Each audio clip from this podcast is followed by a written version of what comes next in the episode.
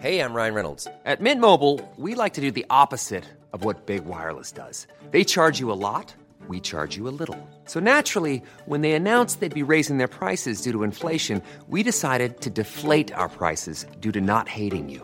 That's right. We're cutting the price of Mint Unlimited from $30 a month to just $15 a month. Give it a try at mintmobile.com slash switch. $45 upfront for three months plus taxes and fees. Promo rate for new customers for limited time. Unlimited more than 40 gigabytes per month. Slows. Full terms at mintmobile.com. Nu kommer attack ifrån Sugarcane Hanover som går mycket, mycket fort tycker jag. Det är så fort så jag tror att Kallit kan få svårighet att svara. Sugarcane Hanover vänder ut och in på fältet. Startbilen är i rörelse till Svenskt travderby 1987. What the horse, what the driver, nummer ett McLobel och John D. Campbell. Maharaja la Suède, Maharaja s'est retrouvé, le retour, le comeback de Maharaja le 17 vid några tillfällen. Jag trodde att det var en av de bästa hästar jag hade tränat för. Det tolkades på olika vis. Du behöver inte misstolka det längre för det här är den bästa häst jag har kört och tränat någon gång. Vi bjuder in till ännu ett avsnitt av Trottosport Podcast. Första för året 2021. Ja. Och eh, ja, börja med att rikta ett tack faktiskt till våra ja, två nya Patreons sedan förra veckan. Vi ökade från 24 prenumeranter till 26. I det som man då kan kalla för, likna för prenumeranter via Patreon. Och eh, i och med det att vi har det tusental lyssnare så hoppas vi att eh, någon ytterligare kan bidra. Och eh, det vill såklart också tacka de som har velat stötta oss via Swish sen senast. Fått lite propåer här också under veckan om vad tog de vägen de här vintipsen? Som vi lite grann utlovade i något avsnitt. Det enda nyårslöftet vi har gett egentligen va? Och kommer Ja, just, ja, just det. Ja. Jag bara försvann där i tomma intet. Vi eh, liknade ju, eller i alla fall eh, blev väldigt varma i hjärtat av att höra att en och annan öppnar en vinflaska på tisdagskvällen och häller upp ett gott glas rött. Eh, Vad är vi för vin? Trots Sports podcast. Ja, det var ju också en fråga. Ja. Jag har lärt mig att de allra bästa vinerna, de mest gynnsamma breddgraden på jordklotet för vin är den 45. Jaha. Södra Frankrike, Råndalen och norra Italien där. Ja, det låter väl vettigt. Är vi där och nosar eller ska vi... Ja, jag tycker det låter bra. Okej. Norra Italien. Norra Italien. Ja, Ja. precis. Där någonstans ska man... Och det är därifrån du ska hitta något bra tips den här veckan då alltså. ja, just det. Jag är med för, jag, som jag inte är så märkvärdig av mig så är jag ju med för de här Chianti-vinerna. De ligger väl på 44 då, breddgraden. Ja, ja, men det är, härligt, det är helt okej då tycker jag. det duger. Ja, och sen älskar jag ju själv eh, Etna-viner från eh, Sicilien då. Men eh, ja, vi börjar med ett Chianti då. Den här Mm. veckan. Det är ju travanknytning. Det kanske Ja. vi kan ha flera som har i och för sig. Men det det är fint.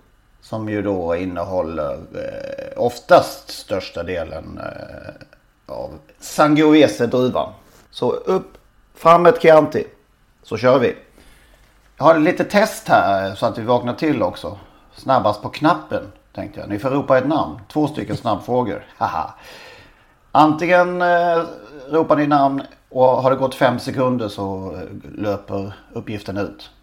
Ja. Vad hette hästen som eh, vann uppföljningslöpningen eh, 19 eh, 2020?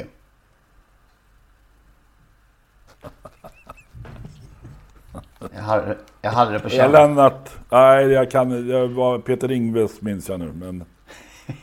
Vad hästen heter? Or, Or, Orlandovici kanske han var. Nej, nej. Jag vet. inte. Ailey Mist Sisu. Ja, det gick inte att ta.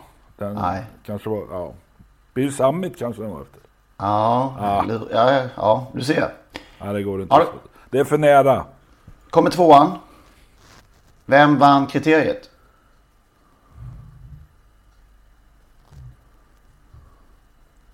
Det här får vi Ja. klippa bort. Det här löpte tiden, det här löpte tiden ut igen. Vem var det? Vad, säger, vad säger det här? Bambling! Ja, det gjorde det. Dan, Daniel Redén. Ja, det är svårt det här. Ja, Det är för nära. Ja, jag, minns, jag minns ju bara vem som var tvåa. Nej, han var bara trea ja. ja just Jag kommer bara ihåg vem som skulle vinna. Andy Fly Sisu där. Ja, Ja, vi, vi, är av, vi är avslöjade. Avslöja det. Jag, jag, ja, det var ett intressant test som jag vill, inte kunde låta bli. Nej, tack för, Nej. tack, tack för den Nej, men det är bra. vänligheten. ja Tack, tack. det var... Det var bra att vi blev avslöjade Ja. direkt. Ja, ja. Jag hade inte klarat det själv förmodligen. Vad var annars det bästa sen senast? Ja, Vem vann V75 4 i lördags? Demon Ima. Ja, var bäst. Ja, det jag. var bäst. Alltså, en sån ot... Hela hästen. Ja. Hela hästen utstrålar en klass som det var länge sedan jag såg. Hans, hästens agerande öppnade snabbt, fick ett par trycka, gjorde det utan att stressa upp sig, utan att röra en min, utan bara titta på motståndarna. Och så när Johan Untersteiner ville så stack han bara ifrån. Alltså, det- ah, han är visserligen fem år den här hästen, har stora skadeproblem. Ja, vi var inne lite på förra veckan vad, vad orsaken var till att de, eh, ja, att det har dröjt. Och har vi, har vi rätt ut det? Ja, tjejen som sköter hästen sa i alla fall i vinnare V75 att det var en spricka i en bakkota. Och eh, det tog lång, lång tid och flera veterinärer innan de hittade den där. Så att eh, det lär väl eh, hålla då. Får vi hoppas. Det är bra stam också. Maharadja Ellie America och den här mamman har ju tidigare lämnat Day or Night In som sprang in 5,2 miljoner. Men och Johan Untersteiner säger att den här kommer att bli bättre. Och sen har vi den här Elegant Ima som är hos eh, familjen Gundersen som började med sju raka segrar och seglar upp som en stor kriteriefavorit i det svenska kriteriet men tappade väl lite form på hösten. Eh, men det är ju en häst som vi måste räkna med nästa år. Så att det, den här Ellie America som Ingemar Ahlin äger är ju ett toppsto i aveln, det är ingen tvekan om det. Ja, det var läckert. Har vi något mer? Som vi... Ja, lite roligt tyckte jag var på nyårsafton när den gode Nybrink, Micke Nybrink, ruttnade ordentligt alltså. Var nästan på väg att i vredesmod lämna studion. Han blev så förbannat arg. Så man känner igen sig som spelare eh, när eh, det går emot en. Han hade spikat den här Rickard Janssons häst i första V75-avdelningen och den var inte alls bra. Han blev jättesur alltså. Han blev mer besviken på sig själv också. Ja, det kan man nog säga. Ja. Och, alltså, det var så skönt att se eh, att de här... Alltså Micke är ju annorlunda än de andra där. Han reagerar på det sätt många gör och jag tror många kände igen sig. Ja, det var härligt faktiskt. Jag måste få säga en sak till. Jag lyssnade på någon, något lopp från Paris på kanal 75 och fick höra då att Yv Drå var med i ett lopp. Och det är ju samma man som vann Åby Stora Pris 1990 med Räv du Don. Men då hette han ju Uvdrö. Och det tror han gör fortfarande. En annan sak jag hörde i samma sändning tror jag. Mademoiselle Camille Leveck. Alltså Mademoiselle. när, när säger man att herr Erik Adelsson vann det här loppet? Madem, eller, eller någon fröken. Fröken Emil, Emilia Leo.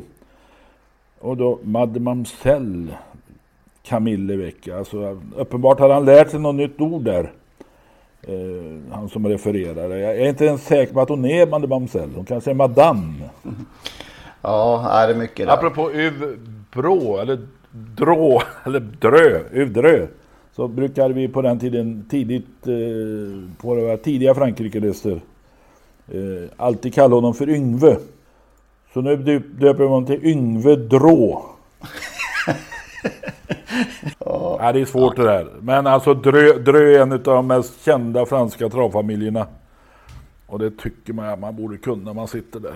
Ja, Ja, annars så sämst, eh, om vi ska ta en sämst förra veckan så, så får man nog ändå säga det att det var fotografen på Romme där som stod, eh, jag ska inte säga inte mitt i banan, men snudd på när de gick i mål i sista V7 där. Jag trodde det var du.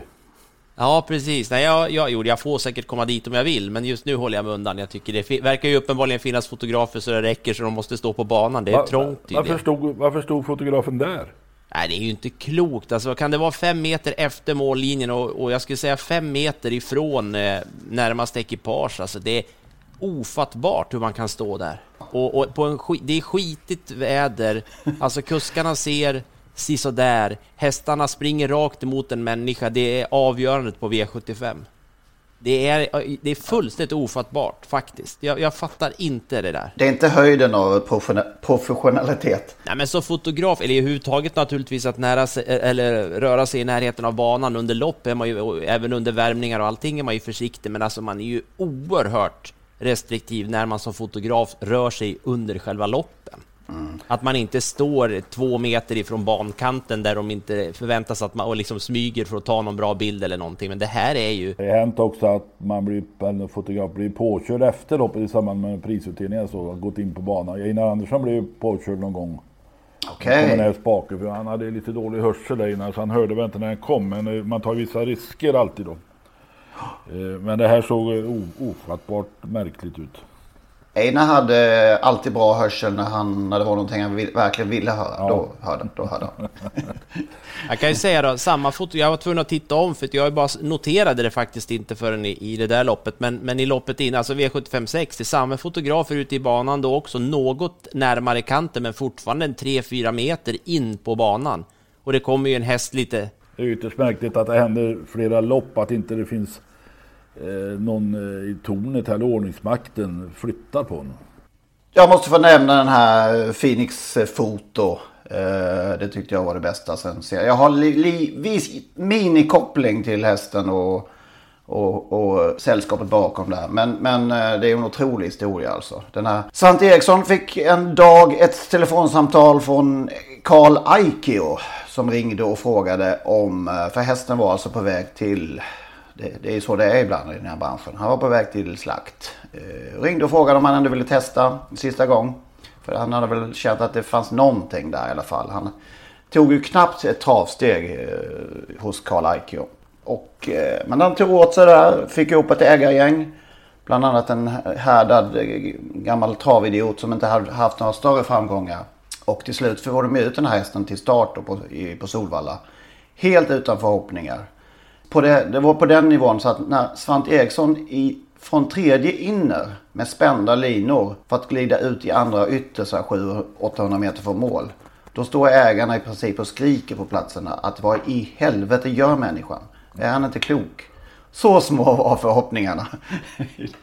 I det ett ganska, om man tittar på det efter i alla fall, ett riktigt skabbarlopp på, på Valla.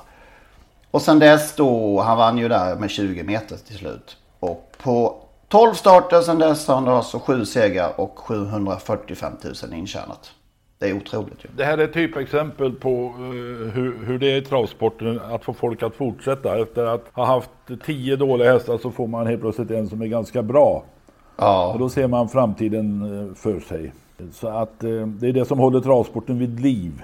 För skulle man ge upp efter tio dåliga hästar då skulle snart ingen vara kvar. Nej faktiskt. Ja, det, just det där. Eh, ja. De ville bara ha en slant där i första, första starten med sig. Och sen, han, hade ju lovat, han hade ju lovat att han inte skulle lämna sargen. Nej, jag bara, ja. borde köpa det där in, innersta spåret, säkerhetsspåret. Ja. ja, just det. Ja, jag måste nämna en sak innan vi går vidare. Min vän Benke Bus har hört av sig och som hävdar att ni är en som sitter i Stockholm och en som sitter i Falun och en som sitter i Skövde när ni spelar in det här. Och så glömde ni ändå i det här, vi hade ju ett inslag om bortglömda nedlagda lopp förra veckan. Så glömde ni ändå Mellansvenska mästerskapet.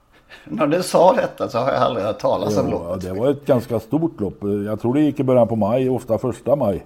Okay. Och, eh, jag minns nu, eller när jag fick eh, eller höra detta, så minns jag att e- Ego Boy vann 1973 var det väl då. Första maj. Nej, 70, ja lite tidigare var det nog i alla fall. Eh, Nej men du har rätt, du har rätt. Jag, jag kollar upp det ja. så att det stämmer. Och eh, han gick utanför Toton. Mm. Han bedömdes vara så överlägsen så han gick utanför Toton. Och Totosegern gick till Enter V, KG Holgersson.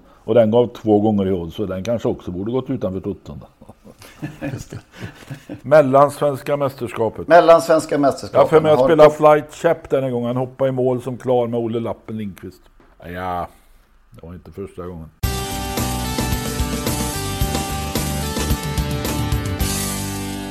Vi hann knappt tala klart orden eh, apropå det vi kanske var inne på lite förra veckan med det här med avsportifiering var det ord jag använde. Jag vet inte om det finns.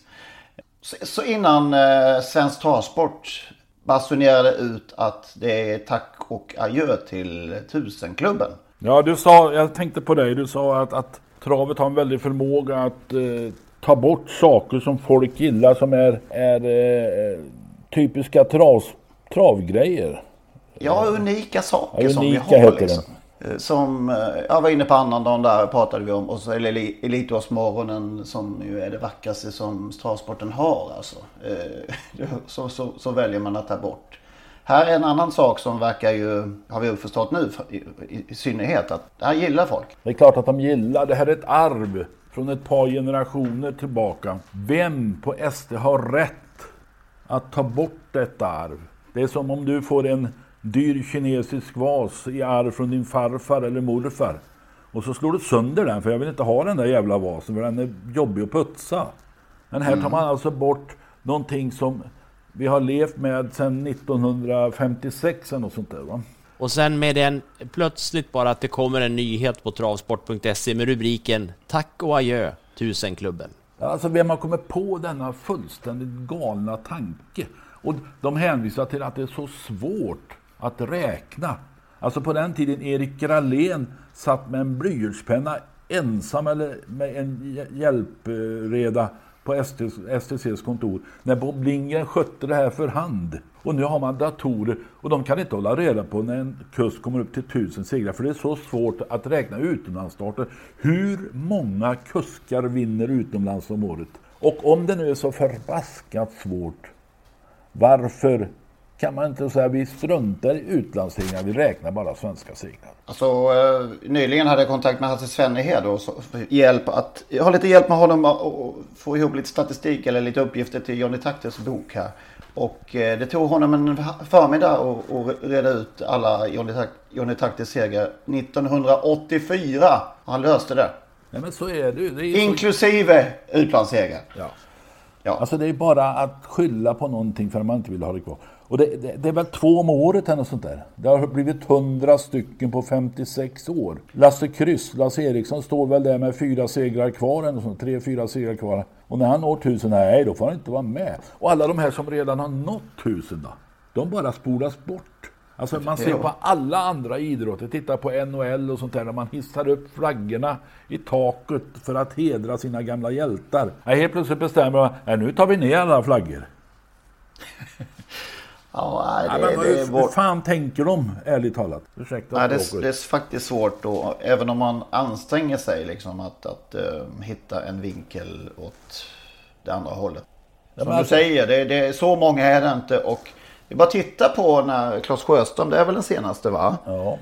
Hur, hur, eh, hur, hur stort det faktiskt var för honom när det gick, när det liksom gick upp för honom att eh, inte minst efter uppmärksamheten han fick att han fattade att det här är inte dåligt alltså. Nej, alltså de här yngre killarna som kommer in nu, de, de ser ju vilket fantastiskt gäng de hamnar i. Med bröderna Nordin, med Stig och Johansson, med Bernt Lindstedt, med alla de här stora genom åren.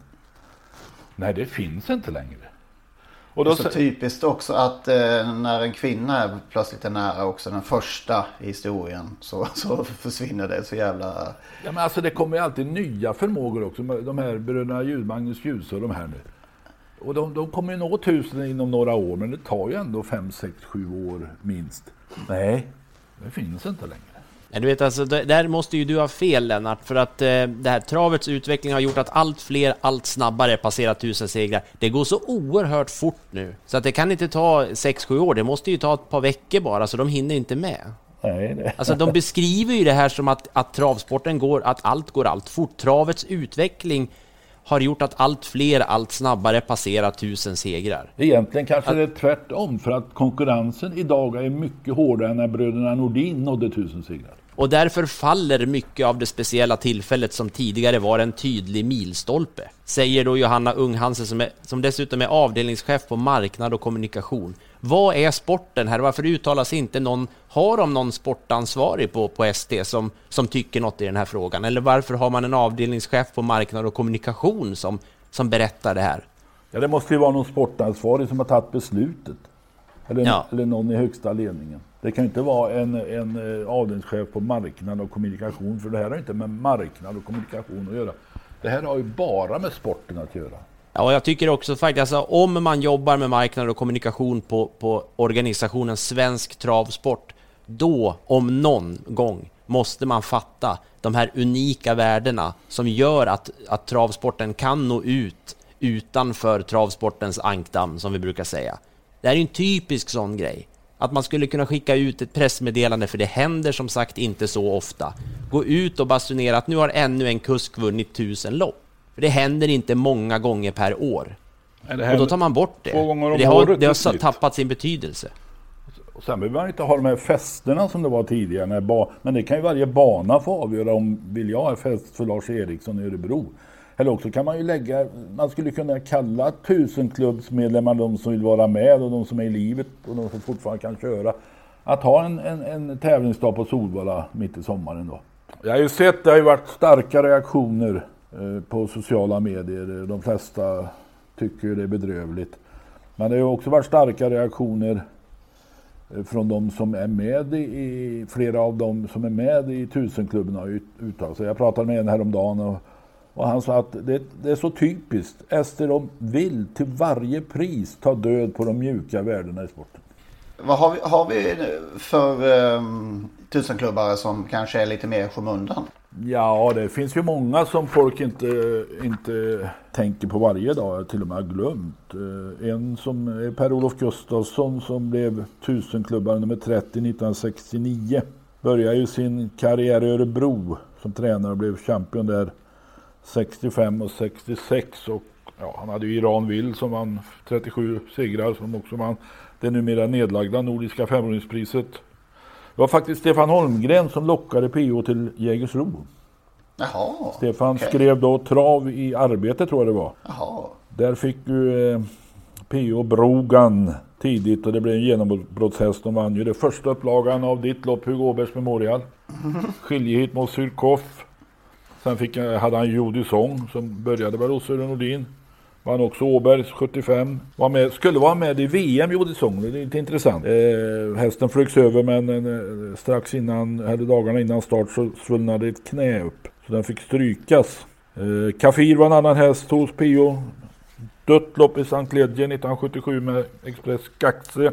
Och så var han ju den då som lyckades bryta den skånska dominansen på Jägersro genom att bli champion 1971. Och eh, han blev champion ytterligare fyra eller fem gånger. Va, vann totalt 1041 lopp så han klarade med, med viss eh, möda. Han vann ett eh, Dagens Dubbellopp i Kalmar eh, 1989 med Sharaya Lobel när jag låg i lumpen. Det var väldigt nyttigt för, för en fattig, fattig eh, militär. P.O. hade ju alla sinnen i behåll eh, men tvingades sluta som trä, tränare som 67-åring 1996. På den tiden så gick ju gränsen där vid pension, folkpensionen. Så gick han bort 2007. Jag tror det var en, en olycka i hemmet. Han ramlade ner en trappa och sånt där som, som avslutade livet. Det var en mycket fin man. Får jag ta en till? Ja, det tycker jag. Vi, vi gillar ju tusenklubben i den här podden. Birger Widell.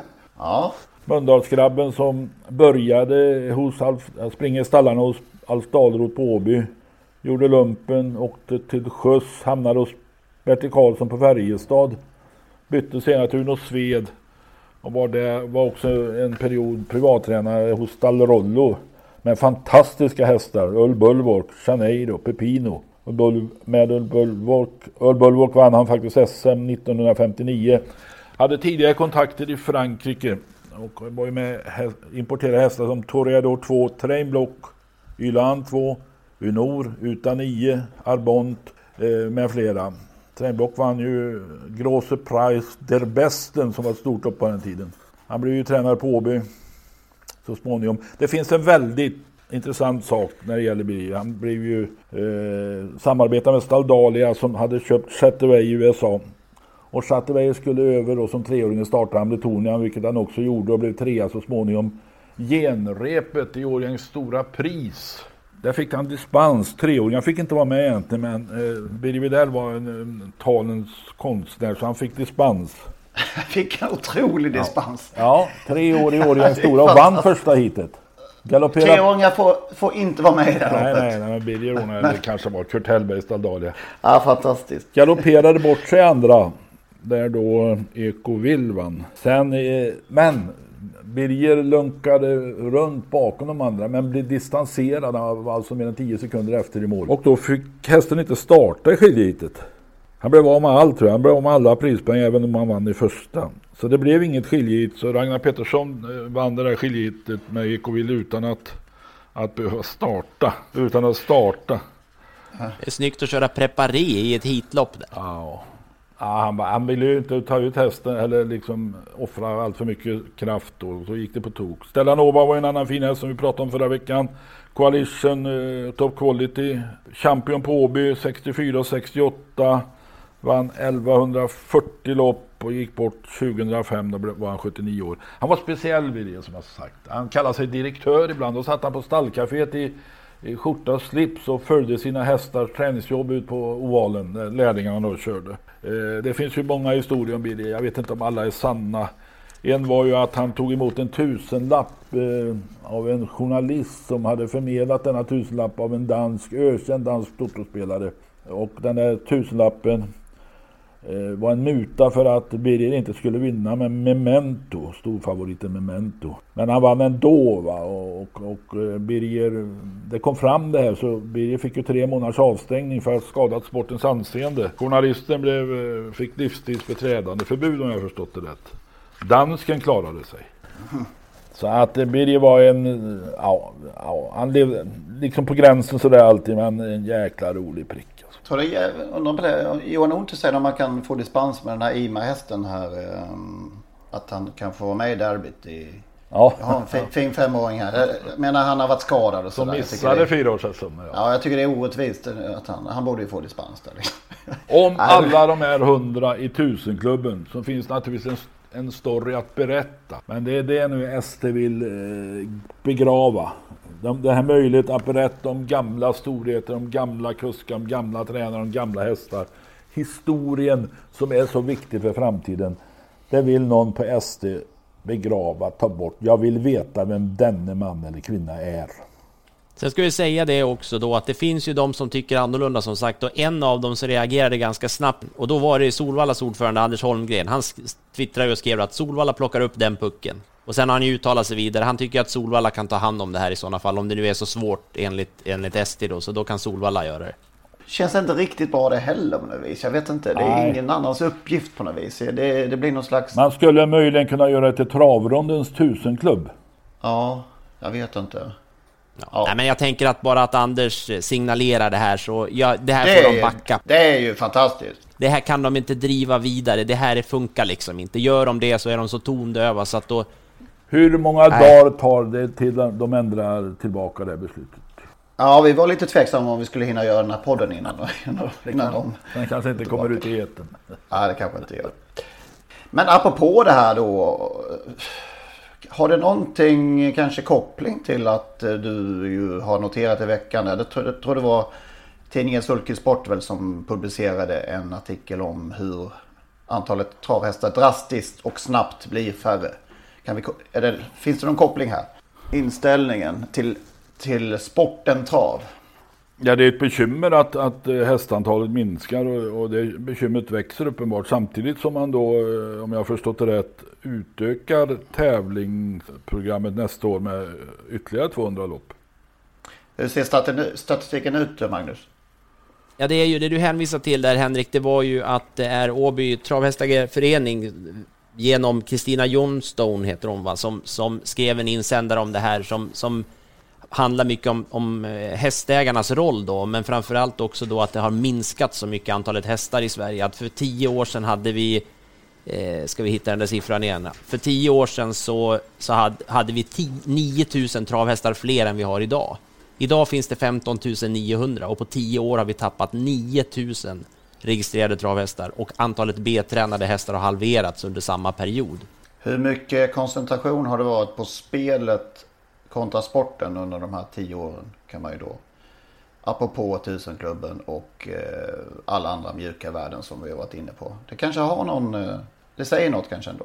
Jag tror man måste eh, dra en skiljelinje i fortsättningen mellan de som sköter sporten och de som sköter spelet på allvar alltså. Det är för mycket att, att att spelet ska styra. Om, om inte ens en travbana sätts ut eh, där V75 körs så blir, börjar man ju bli orolig. Ja, men visst, vi kan ju lägga pusslet här. Det är Ja. ju lätt att det låter som att vi, vi pratar om och vi, vi skäller och vi gnäller och allting, men här lägger man pusslet, varje bit här som vi pratar om nu, så syns ju bilden väldigt tydligt. Mm. Det går liksom inte att missa den, det är bara SD själva som inte verkar se den och jag, jag tycker att det är alarmerande när marknad och kommunikation inte förstår sportens värde. Det, det tycker jag är oroväckande faktiskt.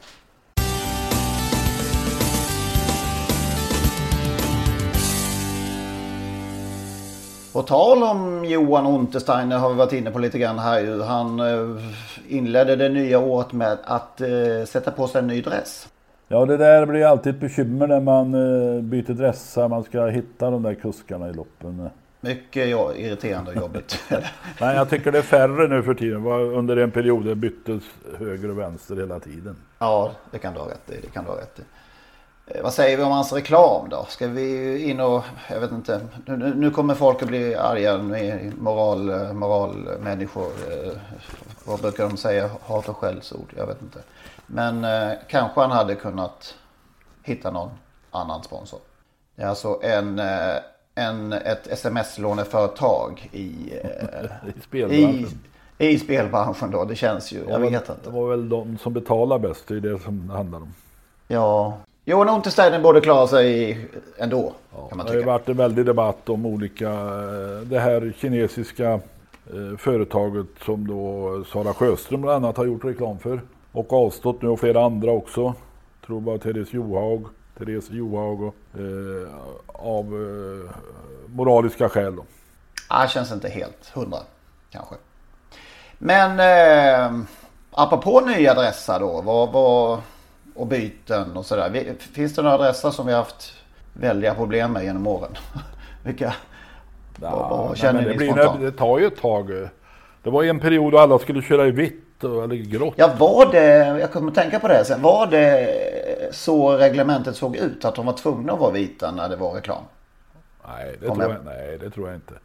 Nej, du minns inget eh, sånt heller? Nej, de bytte, bytte väl till vita för de tyckte väl att, eller det var kanske Det ringer någon liten klocka. Jag kan vara helt ute och cykla här men eh, det ringer någon liten klocka att om det var reklam så skulle de vara vita. Men eh, jag kan ha haft Jag tror fel. ju reklamköparna ville ha vitt eftersom då texten eller loggan syns bäst i tv om det är vit bakgrund. Det är möjligt. Eh, ja, nej men den här. Min värsta genom året är då när Stig och Johanssons snygga grön-blå adress ble, plötsligt blev en vit med eh, rött sabis i. i eh, Ja. hans, det, den var inte. Den var inte Det var ju jätte- ganska tidigt men senare skulle alla köra i vitt. Thomas Nilsson eh, till exempel. Det är roligare i Frankrike där man kör i hästägardräkterna kanske. Men vad har, ni, har ni haft några problem med några byten? Nej, det har jag säkert haft men jag minns dem inte. Å andra sidan så, så eh, går det rätt snabbt att lära sig de nya. Jag tycker det här um, Thomas Urbergs från, eh, efter alla dessa år från blått till grönt, det har jag fortfarande inte riktigt vant Nej, det är lite svårt faktiskt. Där, där, eh, där fångar man inte in Urberg eh, som man har lärt sig Urberg. Nej. Bo William Takter bytte ju eh, hastigt och lustigt från sin svarta härliga med vitt axelband till grön och svartvit vinkel. Är, Ja. det, det, det kändes heller aldrig rätt Nej. på den, på den tiden. Eh, ja, värsta nedköpet försökte jag hitta också. Kommer inte på något riktigt klockrent. Men, men kanske när Stefan Söderqvist tog bort sin ganska fina blåa nyans mot den här bleksvarta. Ja, just det. Ja, det var inte vackert. Nej. Ja, vilka var våra favoriter då när det gäller dressar? Ja, alltså jag har ju en eh, favorit genom alla tider. Och det är en hästägadress. Stall, Mm. Staldana, Rodney Key, Madison Avenue. Vita dress med olympiska ringarna på ryggen. Okej, Uno Sved. Så oerhört vackert. okej. Den här måste jag in och kika på. Jag tror jag aldrig har sett. Faktiskt. måste du ha gjort. Jag måste ha gjort det, okej. jag får se. Lindstedt gillar jag. Bengt Lindstedt, svart med lite rött och vitt på axlarna där va. Stefan Melanders också blått och gult och vitt på axlarna. Sen min egen dress har jag naturligtvis eftersom jag själv skapade den med blått och röda axelklaffar och röd hjälm. Har du den kvar? Eh, jag eh, slängde den vid senaste flytten till min sons stora vrede. Ja, det förstår jag. Ja, och inte nog med det. Jag fick också skälla Benny Ternberg på axlar för att jag inte skänkte den till eh, travskolan. Och jag försökte försvara mig. Jag vill inte att, att en sån dress som har kört, varit med i så många dåliga, kört så, så, så dåligt så många gånger skulle gå i arv. Men det är klart jag borde behållit den. Hade varit kul att lagt ut en bild på den. Men du kanske har någon bild kvar? Ja, möjligen. Vad har du på bästa listan där, Magnus? Jag tycker också som, som eh, Lennart var inne på, då Tarzans dress har jag ju alltid gillat och sen eh, Johnny Takters tycker jag är eh, förvånansvärt få som har liksom, inte, naturligtvis inte samma färger men samma upplägg ändå med, med vinkel och annat. Och sen gillade jag ju väldigt mycket Tommy Hanés eh, klassiska dressen då, den som han ju tog tillbaka sen igen, han, den här röd, röd svart, vita. Inte den där gul, inte den där gulrödrutiga Kumlins måleri. Nej, den var ju, han syntes ju med den, så på det sättet var den ju jättebra, men den var inte fullt lika vacker tycker jag. Inte, det var inte samma klass på den, men, men ur ett igenkänningsperspektiv var ju den väldigt bra, för att vi har inte sett den typen av dress så mycket i Sverige med de här rutorna och så. Bra färgkombination att, också tycker jag det faktiskt. Nej, men exakt så, det, det, det var inte speciellt många. Sen var jag lite förtjust ändå också i, i eh, Einar Johanssons dress på Romme. Mm. Orange och brun, lite udda kombination. Jag hade kanske velat haft lite mörkare brun. Den var så väldigt solblek den där bruna färgen kanske, men det var också en väldigt lätt uh, igenkänd dress. Mm. Sen var Einar stor också, han syntes ja, ju rejält i sin dress. Men det var, den gillade jag. 4 XL. Ja, det var det. Ja, jag håller ju med helt om, om Johnny Taktis. Det har jag nog varit inne på tidigare. Den är, jag tycker den är snudd på överlägsen den snyggaste i eh, Travsverige. Eh, men Stig och Johanssons gamla då. Från, dels från tidigt 80-tal. Sen hade han ju, när han sen återtog den blåa igen. Då hade han, vad ska vi kalla det för, Emil-tiden. Då var den ju fantastisk. Det är ju det är en snygg kombination med, med blått och med gröna inslag tycker jag. Den, eh, den gillar jag väldigt mycket. Och faktiskt Ludvig Olginis vinröda. Också då med vinkel. Eh, när, det är, när han har den här blanka eh, sommardressen i, i solen under en sommarkväll så är den fantastisk tycker jag. Ja, en liten, jag har en bubblare också. Eh, Hanna Olofssons gamla. Hon har haft många sedan dess känns det som. Men den här blåa och gula som hon hade, om det, om det är någon som minns den. Tyckte jag den var fantastiskt snygg. Så synd att... ja, men jag minns den också. Jag hade tänkt att ta med den på min lista, men så såg jag att hon inte hade den längre. Mm. Så uppdaterad var jag. Så då kände jag att då, då, då fimpar jag den, men jag håller med dig om det. Ja. Hon poppade upp tidigt för mig, Hanna Olofsson, men så såg jag som sagt. Nej, hon har haft ett antal svarta varianter efter det. Och det finns ju för många svarta. Det är, de har ju, åh, Apropå i mildtiden där så eh, måste man ju säga Staltraviatas Ja, gud ja. Vit, vita med blåa bandet där på. Helt enastående ja. fin. Och sen kan man ju i det här sammanhanget nämna Axel Jakobsson då, hans schackrutiga ja. svartvita. Den syns i alla fall. Den har, det har Hans Gelinskog ja. påpekat en och annan gång att den ja, är, att den är schack, ja. Han har copyright på detta. Ja. ja, den är härlig faktiskt. Ja, det finns, vilka är era favoriter då, där ute? Ja, mejla till podcast, oss podcast.trottosport.gmail.com och eh, mejla också gärna om vilka eh, byten som ni har tyckt mest illa om. Eller mest, mest bra om kanske också. 2021 som sagt, ett nytt år. Ska vi titta lite på vad vi möjligen vill se det här året 2021? Det är ju svårt att säga. Kommer vi ens att få beträda en travbana? Det vet vi inte. Nej. Nej. Vad tror vi egentligen? Men det är vad jag vill se. Jag vill se mer trav, helt enkelt. På plats. Mer hästar? Det ligger etta på min lista. Det är... Jag vill gärna fota lite också, men jag ska stå utanför banan. Inte på banan då. Tror man det? Tror man att, eh, det, att det blir eh, publik på Elitloppet i sista söndagen i maj? Det tror jag inte, men däremot tror jag kanske att vi kan få se sommartrav någon månad senare faktiskt. Helt omöjligt att gissa såklart. Men, men det tycker jag känns... Memorial kör vi på. Ja, premiär där ja, då. premiär. Mm. ja. ja, vi hoppas, vi hoppas. Annars då? Är något vi vill se i travet 2021? Ja, utan några fördjupningar i det så vill jag se justeringar av reglementet. Mm. Det har du varit inne på. Jag tänker inte ut, lägga ut mer om det. Nej. Då slår jag till med en, eh, och det är en dröm bara, det kommer inte att hända. En enhetlig syn i de europeiska länderna. Om inte i hela världen så åtminstone de europeiska. Eh, och kanske verktyg för att se till att eh, det faktiskt går att, när väl fuskare fångas, att det också kan efterlevas. Alltså, alltså att Philippe Billard och Fabrice Solar tillåts få hålla på som man gör här är ju ett så. Det är ett övergrepp på allt som kan få kallas travsport. Eh, det är nästan, det är snudd på en våldtäkt på travsporten tycker jag. Att det, det får bara pågå. Och att alla, konkur alla konkurrenter och kollegor låter det ske. Ja, det ryktas ju nu att Billards tid är räknad som tränare. För att Soloa får tillbaka sin licens. I för, är det i förtid då eller eh, har det gått så lång tid? Det kan det inte ha gjort. Nej, jag vet inte vad de dömde till i Frankrike. De kommer väl att ändra på det om de vill. Din förhoppning är ju bara naiv att vi skulle få något enhetligt reglement eller enhetlig syn på, på vad som händer i vårt travsport. Det, det, det, har vi tyckt i 50 år.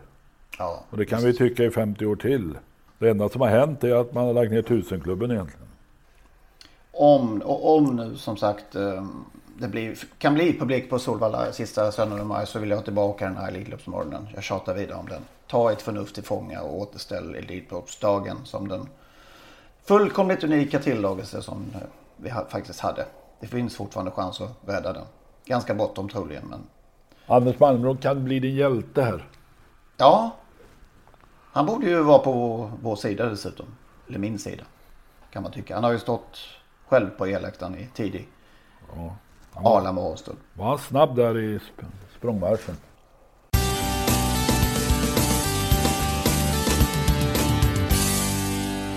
Känns konstigt nu med, med eh, har inte varit V75 nu på, på, på flera dagar. Ja, det blev väldigt märkligt.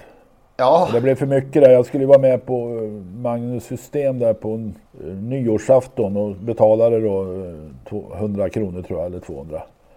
Och så spelade han inte nyårsafton. Och, då, och då, då, trodde jag så här, min korka, i min enfald, att ja, det är lugnt för han spelar på lördag, då sitter mina pengar kvar där på hans konto. Men så fungerar det inte. Att när du inte spelar fick jag tydligen tillbaka de 200 kronorna. Eller om det var 100. Nej, du vet, de vill att du ska omsätta ja, fort som bara tänkte, den. Om du står du... över en gång så ja. går det till nästa gång. Men det var inte riktigt så. Utan då, då sen när jag tittade efter ditt system då fick jag en, en lång finger i facet där att haha du har inte betalat, du deltar ej. Och det var lite sådär eh, irriterande men eh, ja, jag överlevde det också. Ja, jag ska vara det här på nyårsafton att jag jag kan i alla fall inte påminna mig att jag har missat ett spelstopp någon gång. Jag har nog aldrig blivit så snopen. Kom in efter en lång promenad, hade planerat klart allt. Nu ska jag bara göra klart allting och lämna in. Loggar in och så ser jag att det finns redan tre resultat på omgången. Ja, och jag, alltså jag tänk... Det var oerhört snopet faktiskt. Min tanke var ju att du kan ju inte gärna ha missat när det var eh, så mycket pengar att spela. Nej, det kändes konstigt där, men jag blev verkligen fintad av att inte längre vara så där super, super eh, nördig så att man har koll på varenda spelstopp. Jag har tyvärr vant mig vid den här 16.20 tiden så att jag tänkte att det är 16.20. Sen har det ju inte varit 16.20 på nyårsafton på och länge och kanske aldrig. aldrig. Men, men eh, det trodde jag att det var. Men då missade jag. Jag trodde, jag trodde själv att det var 14.30. Så jag var på andra, ja, jag var på andra hållet. Ja. ja. ja, men så gick det bättre för dig också. Ja, det gjorde det. Eller ja, lite kanske. Lite bättre än för mig, för jag var ju inte ens med. Ja, just det. Men då är det Bergsåker på eh, lördag. Just det. Inte det min... Uh, ja, det är fin bana och härligt att vara där när man, när, när man väl är där. Men det är ju ingen spelfavoritbana för min del. Kan du, kan du, Jaha, kan du, ja. kan du hjälpa till? Ja, det kan man väl hoppas. Jag tänkte att jag skulle eh, ta en häst som jag har tjatat om tidigare. Det är inte Brother Bill, för han är inte med den här veckan. Men i V75 2 så startar eh, Fredrik Wallins IS Elisabeth igen. Hade ju spår 8 när jag i ett sånt här eh, spårtrappelopp för några veckor sedan där med, med Per Lennartsson och det, då var jag ju inne på att man skulle ta med henne, men hon kom liksom inte in i loppet. Men hon avslutade, tycker jag ändå okej, okay. kanske inte så bra som hon borde ha gjort, men tillräckligt bra för att jag ska, ska ge henne en ny chans. Den här veckan är det Mats, Mats Djuse som kör i ännu ett av dessa försök till diamantstoet och hon står, tycker jag, bra inne, väldigt bra inne i, i loppet. Så att i V75 2 nummer 13, IS Elisabeth. Och sen i ehm, V75 3 som är klass 2 över 2640 meter så har man en av de snyggaste propositionsstyrningarna man har sett. Nej, så är det inte riktigt. Zodiac Kronos eh, galopperade i mål som, som vinnare här senast. Eh, men det innebar att han eh, står kvar med 250 000 kronor på kontot och därmed exakt på kronan får vara med i det här loppet. Den hårdaste propositionsstyrningen man har sett i så fall. Ja, nej, det var ju naturligtvis tråkigt för alla inblandade att det, att det var så. Och det här är ingen lätt häst, han har galopperat i många av sina starter, men, men det är en, eh, en kapabel häst som, som jag definitivt tycker är gynnad av lång distans. Att, eh, jag tycker att Zodiac Kronos, Magnus Djuse kör dessutom, det är ju aldrig en nackdel. Även om Djuse faktiskt kör rätt mycket galopp generellt sett, så får han se till att sköta sig den här gången, för köra kan han ju ändå, det vet vi. Men den tycker jag blir intressant och eh, kanske inte så mycket sträckad som man skulle kunna tro heller. Så att, eh, jag noterar i, sa i samma lopp att eh, Anders Malmroth har Vega Face till start ihop med sin son och familjen där. Är den tillräckligt bra för att räcka? Det, den har ju gått bra på slutet. Jag har förstått det där, men jag ja. kan inte säga om den är tillräckligt bra. Det, det, nej, det vågar jag inte svara på. Såg ingen rolig ut senast faktiskt. Tappade travet. Det var... Mm, det är inte så länge sedan, två veckor sedan styvt va. Så att... Um, men det är ju en, det är en häst som absolut också kan tugga på. Det är långdistans är en fördel här, men måste nog se bättre ut. Blir den här Volder Nikolaj favorit igen? Det är uppenbart att hästen är betydligt sämre med skor än utan skor. Du, eh, varningens finger här helt enkelt för en eventuell favorit. Ja, en känsla av det. Tyckte jag den är väl... Ja, det är en av två som blir väldigt betrodd i det loppet på starter, Westport Gladiator också. Eh, men det är, det är tidigt än i veckan när vi spelar in det här också, så, så att eh, Öystein Tjomsland brukar ju bli mycket sträckad nu. Folk har lärt sig att, att när han kommer med sina kallblod så, så vinns det ofta. Och så får vi se 13-årige On Track-piraten. Ja, fantastiskt ju.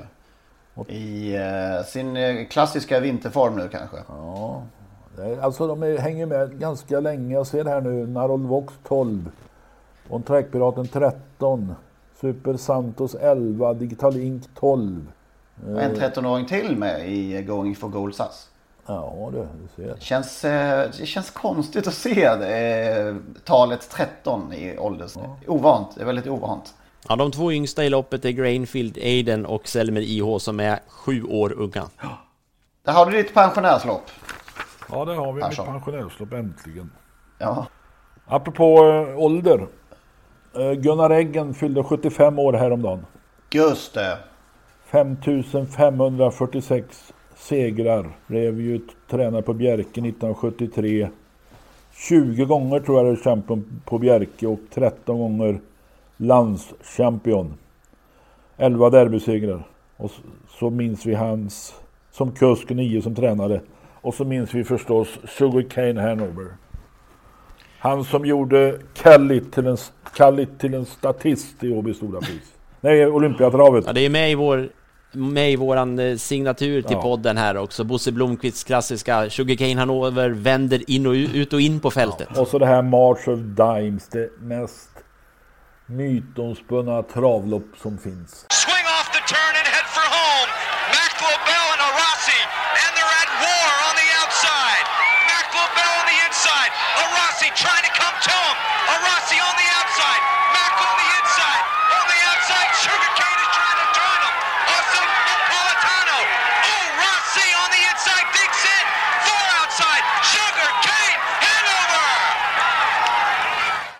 funnits när han mötte Orasi och, Mark McLobel. Och det skulle ju vara en match mellan Europa och USA. Europas Orasi, USAs McLobel. Och så kom då Gunnar Eggen långt ut i banan och åkte förbi. Blåste förbi. Jag stod på läktaren där och slängde mig ett dyra Minerva ur i, i cementgolvet så att det for i tusen delar. Vi hade, ja, mycket, mycket, men vi hade ju spelat Sugarcane för med tripplar och dubblar och vinnare och allt. Så det, det var en underbar upplevelse. det var Det var mitt först, första gången jag spelade fyrsiffrigt eh, på ett vinnarspel i, i trav. Um, på McLobel. Aj, aj, aj, så, så det, jag hade behövt in Minerva ja. klocka där och, och lösa in. Men Gunnar Eggen han, han är fortfarande pigg fall och brukar gå på Bjerke när det är tävling. Han gör inte nu när det är Corona och sådär naturligtvis. Ja, har ni, ni har lite kontakt? Nej, det har vi inte, men jag följer vad som skrivs om han och ser, ser här och var. Mm. Mm. Han var prisutdelare på galan i Göteborg en gång i tiden. Då jag var inblandad och fick dit honom. Han var ganska skygg sådär. Eller är. Han var inte sådär jättepigg på att åka dit. Men, men min, du tjat, tjat, nej, tjatade inte utan jag bad min vän, gode vän Hans-Peter Tolsten, tyvärr bortgången, Eh, att eh, komma och han ville gärna komma. Han var ju en helt annorlunda social person så. Men han fick med sig Gunnar och det var väldigt, väldigt trevligt. Eh, jag får nästan tårar i ögonen när jag tänker på detta. Det man kan säga också, jag eh, sitter här när Lennart säger dessa fina saker. Jag tittar på loppet, eh, upploppet där March of Dimes den av de kuskar som sitter lugnast i denna precis stenhårda slutstrid, det är ju Gunnar Eggen. Han är ju oerhört försiktig i sin drivning jämfört med, med både Orasi och eh, John D. Campbells kuskar, eller vad heter det, McLovells kuskar där. Alltså det, han sitter förhållandevis lugn. Han hade, han hade och nyper dem på linjen. galopperade ibland på upploppet, lite slutskedet av loppet. Han kanske var rädd för det, men ja, det var ganska säkert. Vilken, nu, nu kommer jag inte ens på, vilken bana var det på? Garden State Park. Just det, Garden State, just det. Ja, det och det är alltså en milebana? Ja, det finns den inte eller, längre. Just. Eller var det ja. Och det här loppet försvann väl helt och hållet? Det gjorde det Apropå det var bara värt det. Det gick, inte, det gick, inte, gick inte att få det bättre så att det var lika bra. Nej, det var faktiskt, det, det, det, i det avseendet så kan man ju hålla med om att nu, vi slutar när vi står på topp. Mm. Och Stig och Johansson laddar för full med Napolitano långt ut i banan invändigt har vi McLobell på utsidan Friendly Face. Khalid kör också hårt från början, det gör även Napolitano. Orasi inleder lite långsammare än de nämnda. Men långt utifrån kommer Napolitano upp på utsidan av Mac, Lobel. Mac Lobel i ledningen, följd av Napolitano. McLobell behåller täten och Stig och Johansson kryper ner där i rygg bakom. Eh, det är en dryga halva distans återstår till mål. McLobell leder Napolitano här i rygg. Via spåren kommer Orasi. Vi där också Sugar Cane Hanover. Det är McLobell som leder. McLobell och John D. Campbell på utsidan pressar Orasi. Johansson kan inte skylla på loppet. Napolitano i spåren Go Get Lost. Nere bakom sen i andra spår Sugar Cane Hanover. Då har vi då Kalitanen längre ner i klungan i andra spår här när han kommer in på upploppet med McLobell i ledningen. McLobell leder, Orasi pressar på utsidan bakom, letar Napolitano efter lucka. McLobell på innerspår på utsidan, Orasi. McLobell på innerspår, så kommer Orasi. McLobell, och sen kommer Orasi och så kommer också Sugar Cane Hanover. Orasi längst ut i banan kommer Sugar Cane Hanover. Och det är Sugar Cane Hanover som vinner med Gunnar Eggen. Sugar Cane Hanover och jag har plingat in ett mail här faktiskt under tiden vi har spelat in. Eh, eftersom ni vill ha in fina namn på hästar kan jag bidra med min första delägda häst. Det är Mattias Sundqvist som har skickat in. Miraklet. Ja. Ingen stjärna men fick ihop tio segrar. Det var ändå... Det var... Miraklet, men det var ett fint namn. Ja. Fler hästar in. Fler eh, spontan mail. Ett fint namn är också faktiskt Faith Time Bourbon. Hur var intrycket i söndags tycker vi? Ja, han vann ju från dödens. Han visar ju återigen eh, vilken enorm löpskalle han har. Så han vägrar att förlora.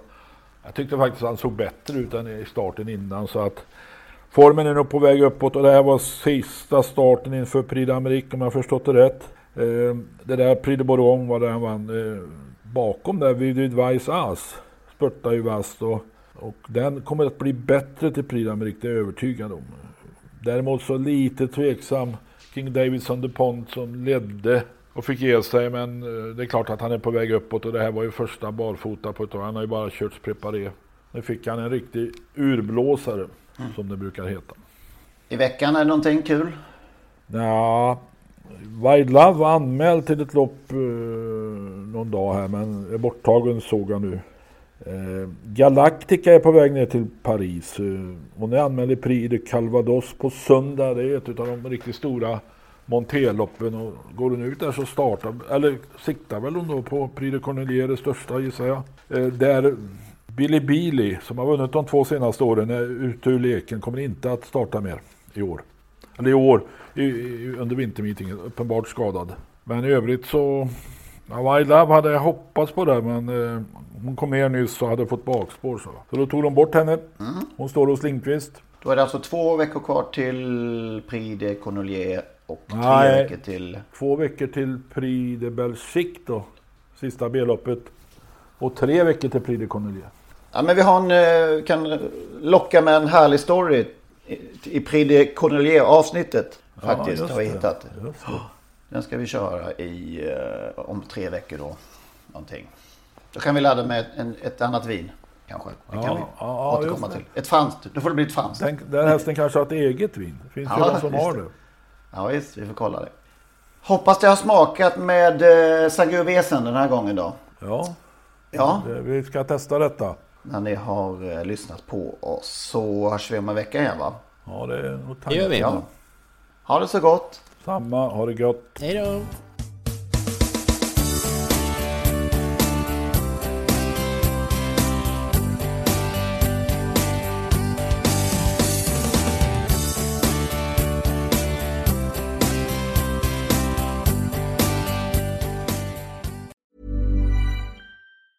Hi, I'm Daniel, founder of Pretty Litter. Did you know cats tend to hide symptoms of sickness and pain? I learned this the hard way after losing my cat, Gingy. So I created Pretty Litter, a health monitoring litter that helps detect early signs of illness by changing colors, saving you money and potentially your cat's life. Pretty Litter is veterinarian developed, and it's the easiest way to keep tabs on your fur baby's health right at home. Go to prettylitter.com and use code ACAST for 20% off your first order and a free cat toy. Terms and conditions apply. See site for details.